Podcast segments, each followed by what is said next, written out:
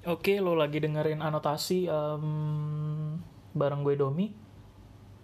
Kali ini gue mau ngomongin soal eh, kemampuan komunikasi verbal.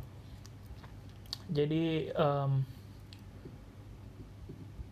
karena eh, karena hobi gue pindah kerja, bukan hobi sih, lebih ke tuntutan untuk eh, tuntutan pekerjaan lah ya gue pindah-pindah kantor biasanya setelah setahun gue akan review em, gimana prospeknya di kantor ini eh, prospek kan- prospek bisnis di kantor gue prospek jenjang karir gue atau mungkin ketika gue merasa gue baik-baik saja ternyata di ada ada opsi lain yang mungkin membuat gue tergiur untuk eh, nyicipin kesempatan di perusahaan lain gitu.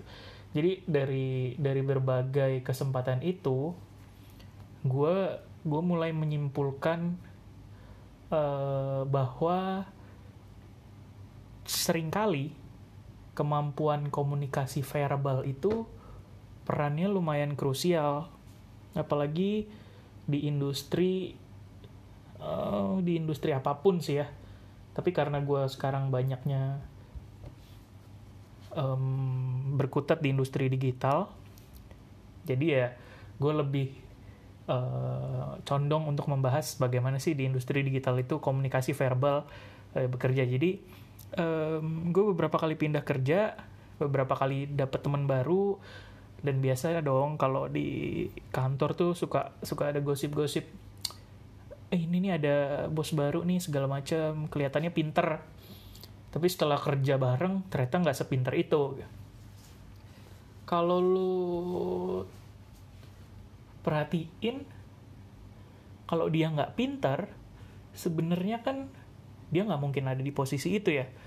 Ya jangan jangan bilang kalau misalnya dia dapat posisi itu karena dia kenal dekat lebih ke faktor relasi dan koneksi sama stakeholders di perusahaan satu perusahaan tertentu tapi lebih ke em, ada banyak orang yang karena kemampuan eh, komunikasi verbalnya jago jadi dia dia public speaker hebat gitu dalam skalanya dalam skala tertentu dia berhasil meyakinkan bahwa eh, gue tuh orang yang oke I'm a good talent. Jadi kayak em, nggak peduli seberapa caur ya kerja kerja gua dalam eh, ruang lingkup mikro setiap hari gue tetap berhasil eh, memberikan impresi kepada orang bahwa gue ini orang yang oke gitu. Jadi sering gue gue gue pribadi karena gue suka banget eh, jadi su- suka banget ngobrol suka banget eh, jadi salah satu hobi gue itu adalah ngelamar kerja. Biar di interview biar gue ngobrol. Jadi biar gue tahu eh, gimana sih orang-orang ini eh, nyeleksi orang nyeleksi talent dan bagaimana mereka menempatkan posisi mereka ketika em, talent menolak mereka gitu. Jadi kan banyak HRD itu sekarang eh, kesannya arogan. Karena eh, talent itu mereka merasa talent itu selalu dalam posisi yang membutuhkan kerjaan. Mereka yang butuh kerja. Jadi sering kali HRD yang ya udahlah nih gue kasih gaji segini gue kasih offer segini ini requirementnya take it or leave it gitu. Nah gue gue sering kali mencoba untuk memberikan impresi bahwa pekerjaan ini gue nggak pengen-pengen banget. Gue cuman pengen tahu gimana sih ini bisnisnya? Gimana sih perusahaan lo ke depannya? Dan kalau gue pun tertarik apa sih yang terjadi? Eh, apa sih yang lo harapin dari seorang talent kayak gue gitu? Nah kemampuan-kemampuan verbal itu kan sebenarnya juga dibentuk ya dibentuk dari eh, kemampuan lo untuk menyampaikan gagasan menyampaikan menyampaikan ide-ide wacana lewat eh, lisan kemampuan verbal yang sering kali tidak dimiliki oleh eh, banyak orang. Jadi sebenarnya kemampuan komunikasi verbal itu kalau bisa dibilang sih sebuah skill yang dalam beberapa poin sih penting ya. Ya beberapa teman gue seperti yang tadi gue bilang sering kali komplain uh, aduh nih bos gue kurang oke okay nih gitu. Dan dan gue biasanya kalau uh, ketika ada temen gue yang komplain bosnya nggak oke okay, ya gue ini semacam konfirmasi lah ya. Bukan konfirmasi ke orang yang diomongin lebih ke uh, temen gue yang lain yang kerja di bawah dia. Dan biasanya ketika ada lebih dari satu dua tiga orang memberikan impresi yang sama ya gue biasanya mulai percaya bahwa oh berarti memang ada yang salah nih dengan orang ini.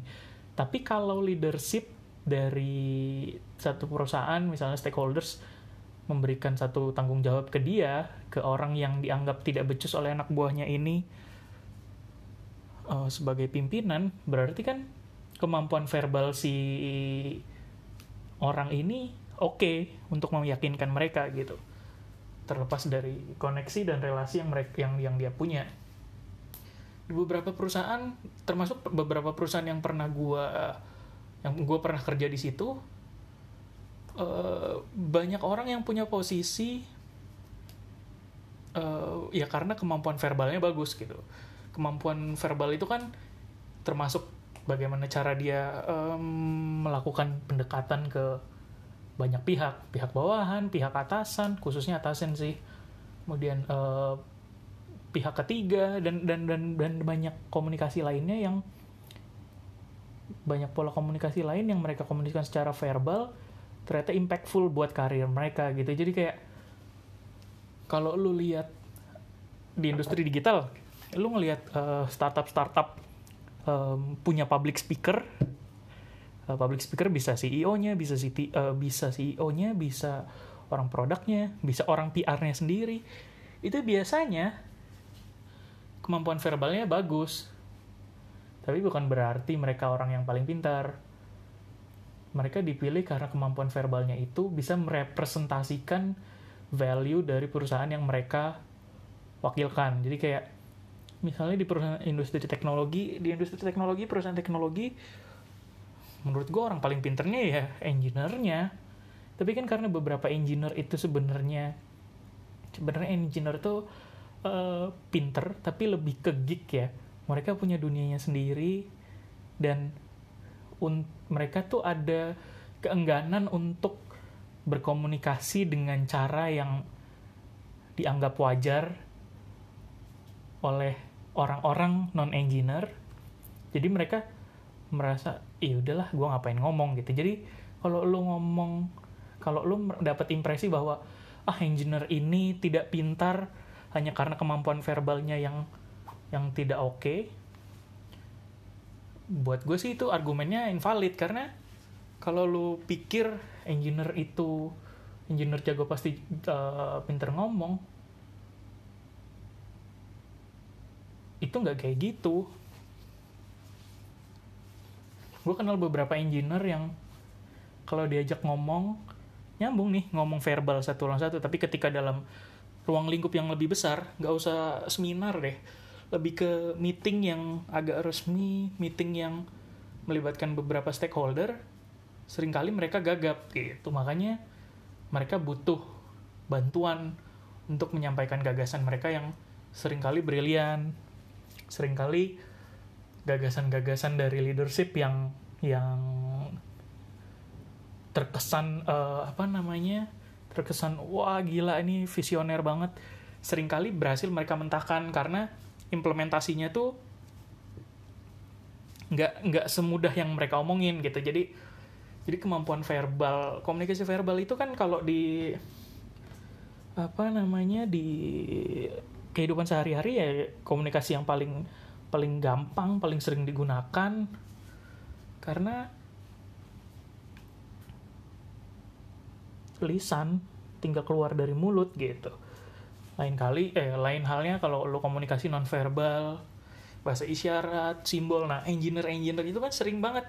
Kalau lo pernah punya grup kantor yang ada isinya engineer, beberapa engineer gitu, komunikasi mereka lewat um, meme lewat uh, gambar-gambar shit posting lainnya tuh sering banget terjadi karena itu semacam cara mereka berkomunikasi.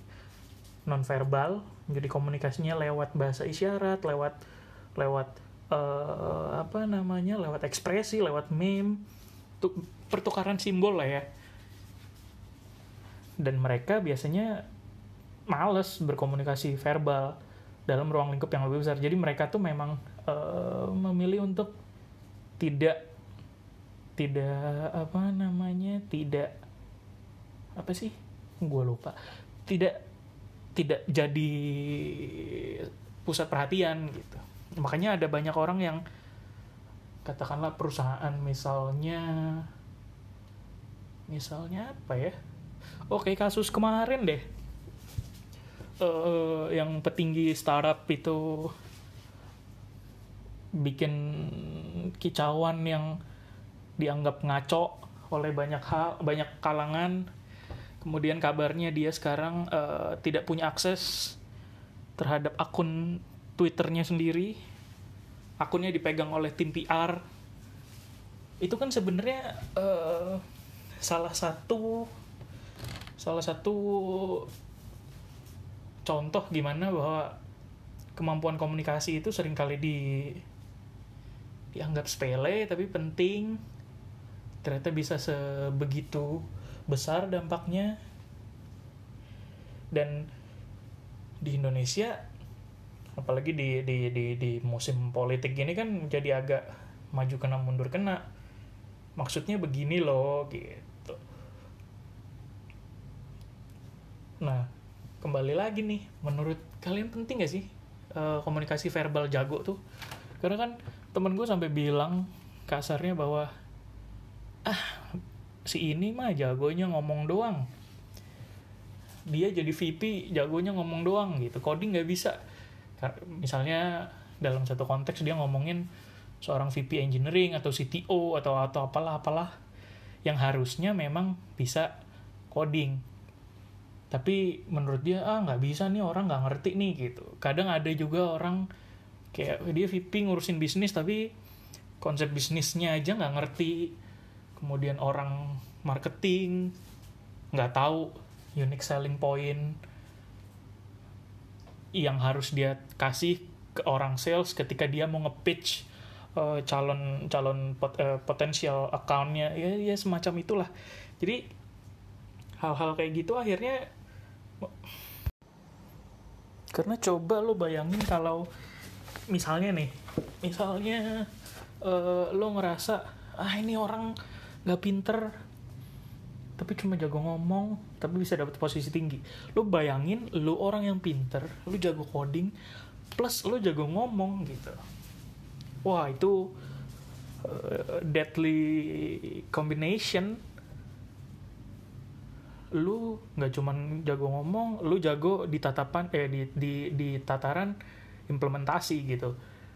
Jadi kalau lu merasa lu pinter tapi lu uh, skill lo bukan di public speaking, verbal communication, mendingan lo belajar deh, belajar, belajar. Nggak nggak usah nggak usah pakai jalur formal lo diajarin sama uh, public speaker tertentu. Lo ngelamar kerja aja. Ngelamar kerja tuh uh, gue gue selalu pakai uh, medium ketika interview kerja itu sebagai latihan gue untuk berkomunikasi secara verbal. Menyampaikan gagasan menyampaikan gagasan itu kan uh, semudah kayak lo nanya uh, perusahaan lo ngapain? Kenapa tidak melakukan A B dan C? Mungkin ada hal-hal yang yang lo nggak kepikiran. Perusahaan yang mau hire lo atau perusahaan yang mau lo lamar itu uh, punya kepikiran sesuatu lo bisa dapat insight di situ. Tapi itu lain cerita. Yang tujuan utamanya sih memang kalau interview lebih ke ngobrol aja gitu. Kecuali emang lu pengen bener-bener cari kerja ya. Karena gue beberapa kali ada ada interview kerja yang ini sim simply uh, because I just want to know uh, how how how this company uh, generate revenue kemudian apa sih yang uh, target mereka dalam jangka pendek gitu. Hal-hal yang lo nggak mungkin temuin di, di di media gitu. Jadi menarik ketika lo lo menyerap banyak informasi lo belajar juga untuk mengeluarkan informasi itu dalam bentuk lisan. Jadi lo ngobrol lo dapet informasi lo mencerna informasi itu nanti lu mulai sampaikan lagi uh, respons lu terhadap informasi yang lu terima ke lawan bicara lo gitu. Buat gue menarik sih. Uh, dan dan kemampuan verbal itu kalau lo pintar dalam satu hal itu itu bakal melengkapi salah satu skill lo sebagai sebagai sebagai talent. Nah uh, ngomongin soal kemampuan verbal engineer yang kadang uh, suka miss gitu. Bahkan uh, dalam beberapa hal engineer itu pun kadang suka nggak pede sama suka nggak pede sama kemampuan komunikasi mereka nonverbal. Jadi lewat email-emailan pun mereka kadang nggak nggak pede. Padahal gue pribadi greget banget.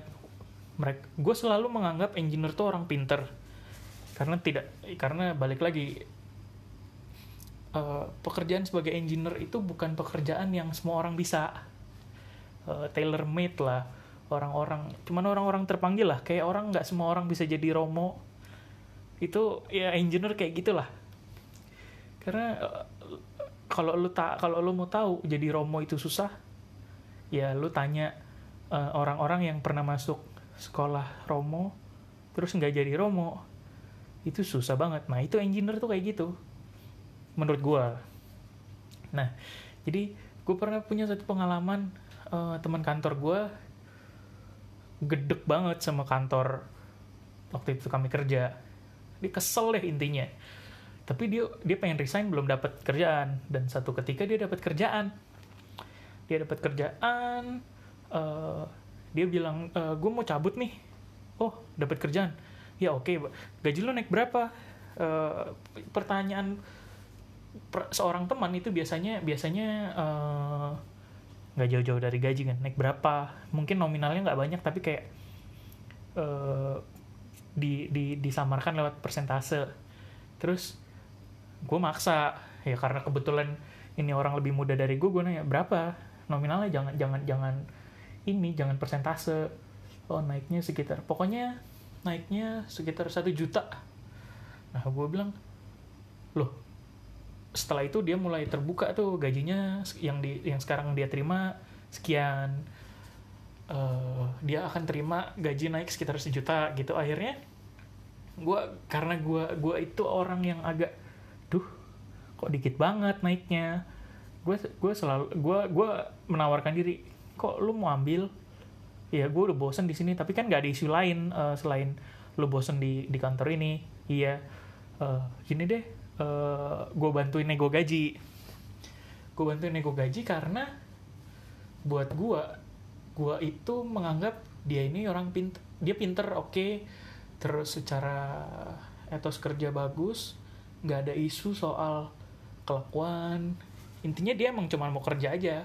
Kerja kerja tenang lah itu yang lagi yang tidak didapatkan oleh dia ketika itu. Akhirnya satu ketika uh, dia diminta untuk segera merespons email uh, salary proposal dari perusahaannya itu. Terus dia ngontak uh, ngontak gue lewat WhatsApp bro ini gimana? Ya udah sini. Gue ketikin. Gue bikinin gue bikinin uh, wordingnya. Gue crafting email biar dia biar dia bisa nego lah naikinnya nggak nggak terlalu sedikit gitu. Karena dia yang setelah gue denger dia itu punya tanggungan adik dan dia masih support uh, bokap nyokap keluarganya intinya. Jadi ya semacam model semodel gen, uh, sandwich generation gitu. Akhirnya gue uh, gue crafting email gue bilang ini kirim lu jangan edit lagi gitu. Uh, akhir kata nego gajinya dapet deh seperti yang gue mau dan seperti yang dia mau. Uh, ya dia bilang dia bilang thank you. Oh ya bilang ya bagus kalau emang gajinya worth it uh, ambil aja. Akhirnya naik sekitar uh, bentar-bentar gue hitung mungkin sekitar 20-30% dari gaji yang dia terima saat itu.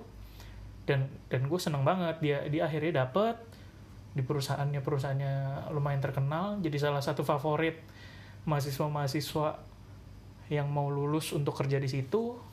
Perusahaannya happening banget. Udah di ling ruang lingkupnya regional jadi oke okay lah.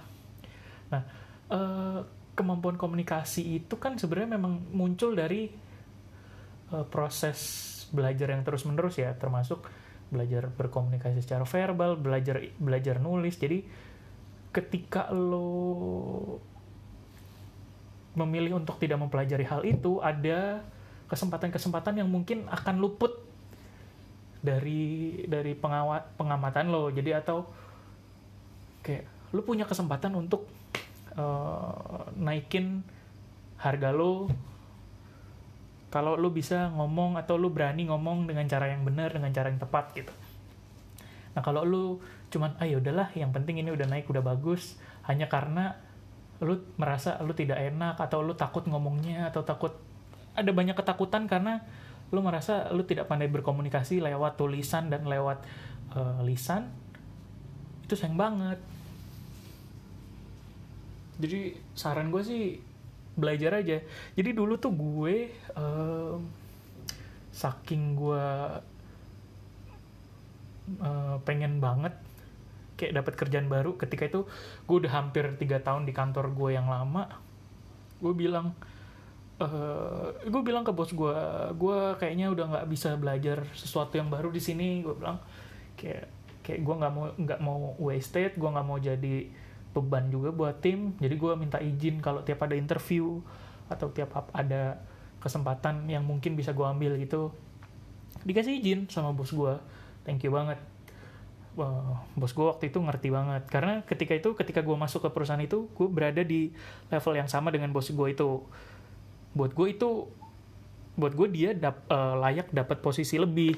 Akhirnya karena memang uh, dia melakukan apa namanya melakukan extra effort yang dan menurut gue itu impactful dia dia dapat posisi uh, posisi jadi bos gue lah. Jadi gue di lead sama dulu teman seangkatan gue tapi buat gue itu fair. Dia melakukan uh, his doing extra miles. Dia pantas untuk dapat jabatan itu. Nah ketika itu gue ngobrol gue gue mau interview nih di sini di situ di sini situ sharing sharing gitu. Gue pun uh, sampai apa namanya melakukan pengarsipan lamaran kerja. Jadi di di Google Drive tuh gue apa namanya di Google Drive tuh gue punya folder karir.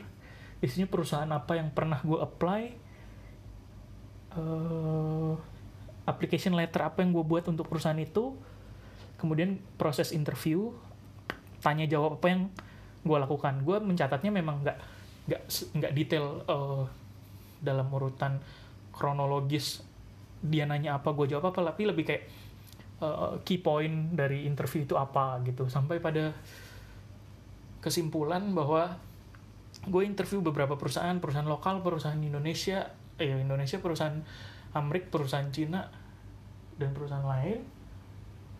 Sampai pada kesimpulan bahwa aduh berat juga kerja di perusahaan uh, selain perusahaan tertentu gitu. Jadi jadi lebih lebih ke ada banyak hal yang gue tahu hanya karena gue lebih rajin interview, lebih lebih lebih rajin untuk membuang waktu dengan mendatangi kantor atau uh, melakukan conference call untuk uh, proses interview yang sebenarnya kalaupun gue nggak dapet ya udah nggak apa-apa gitu. Jadi lebih kayak gue gue pengen belajar belajar uh, belajar apa namanya belajar komunikasi lah berkomunikasi. Karena gue gue ini kan memang bukan gue nggak suka jadi um, center of attention. Gue bukan macan panggung. Jadi gue tidak punya sarana berlatih untuk ngobrol untuk ngomong. Jadi gue menempatkan diri gue sebagai orang yang selalu butuh kerja. Setiap berapa bulan ada lowongan pekerjaan gue apply ya apply-nya nggak sembarangan sih. Yang kira-kira perusahaannya kalau ternyata gue dapet ya udahlah gue tetap mau masuk di perusahaan itu gitu. Bukan yang perusahaan PT maju mundur berdarah butuh uh, partnership manager itu gue apply enggak sih. Karena gue nggak gue nggak gue merasa kayak mungkin gue dapet pelajaran tapi mungkin gak relevan untuk gue pakai uh, dalam jenjang karir gue berikutnya gitu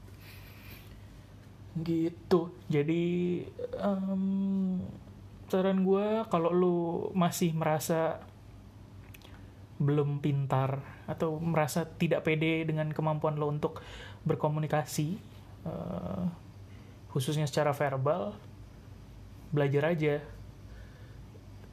Belajarnya bisa lewat organisasi. Gue pun gue pun bukan orang yang suka berorganisasi. Uh, buat gue uh, berorganisasi itu membuang banyak waktu gue bisa melakukan banyak hal yang lebih penting ketimbang berorganisasi yakni ngelamar kerja.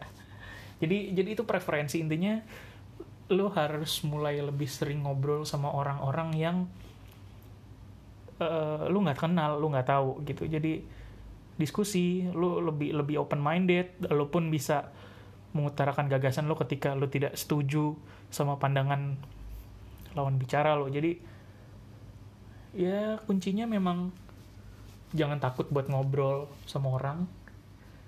Kalau memang merasa lo merasa lawan bicara lo nggak bisa nggak bisa keep up sama pengetahuan yang lo punya atau lo merasa nggak nggak apa namanya lo merasa ngobrol sama dia nggak ada gunanya di saat itu sih menurut gue lo udah belajar bahwa oh gue tahu nih orang seperti apa yang tidak bisa menambah uh, pengetahuan gue gitu. Jadi paling nggak lo belajar sesuatu lah ketika lo mulai ngobrol sama orang. Oke gitu aja uh, untuk yang untuk episode kali ini. Thank you banget udah mau dengerin. Bye bye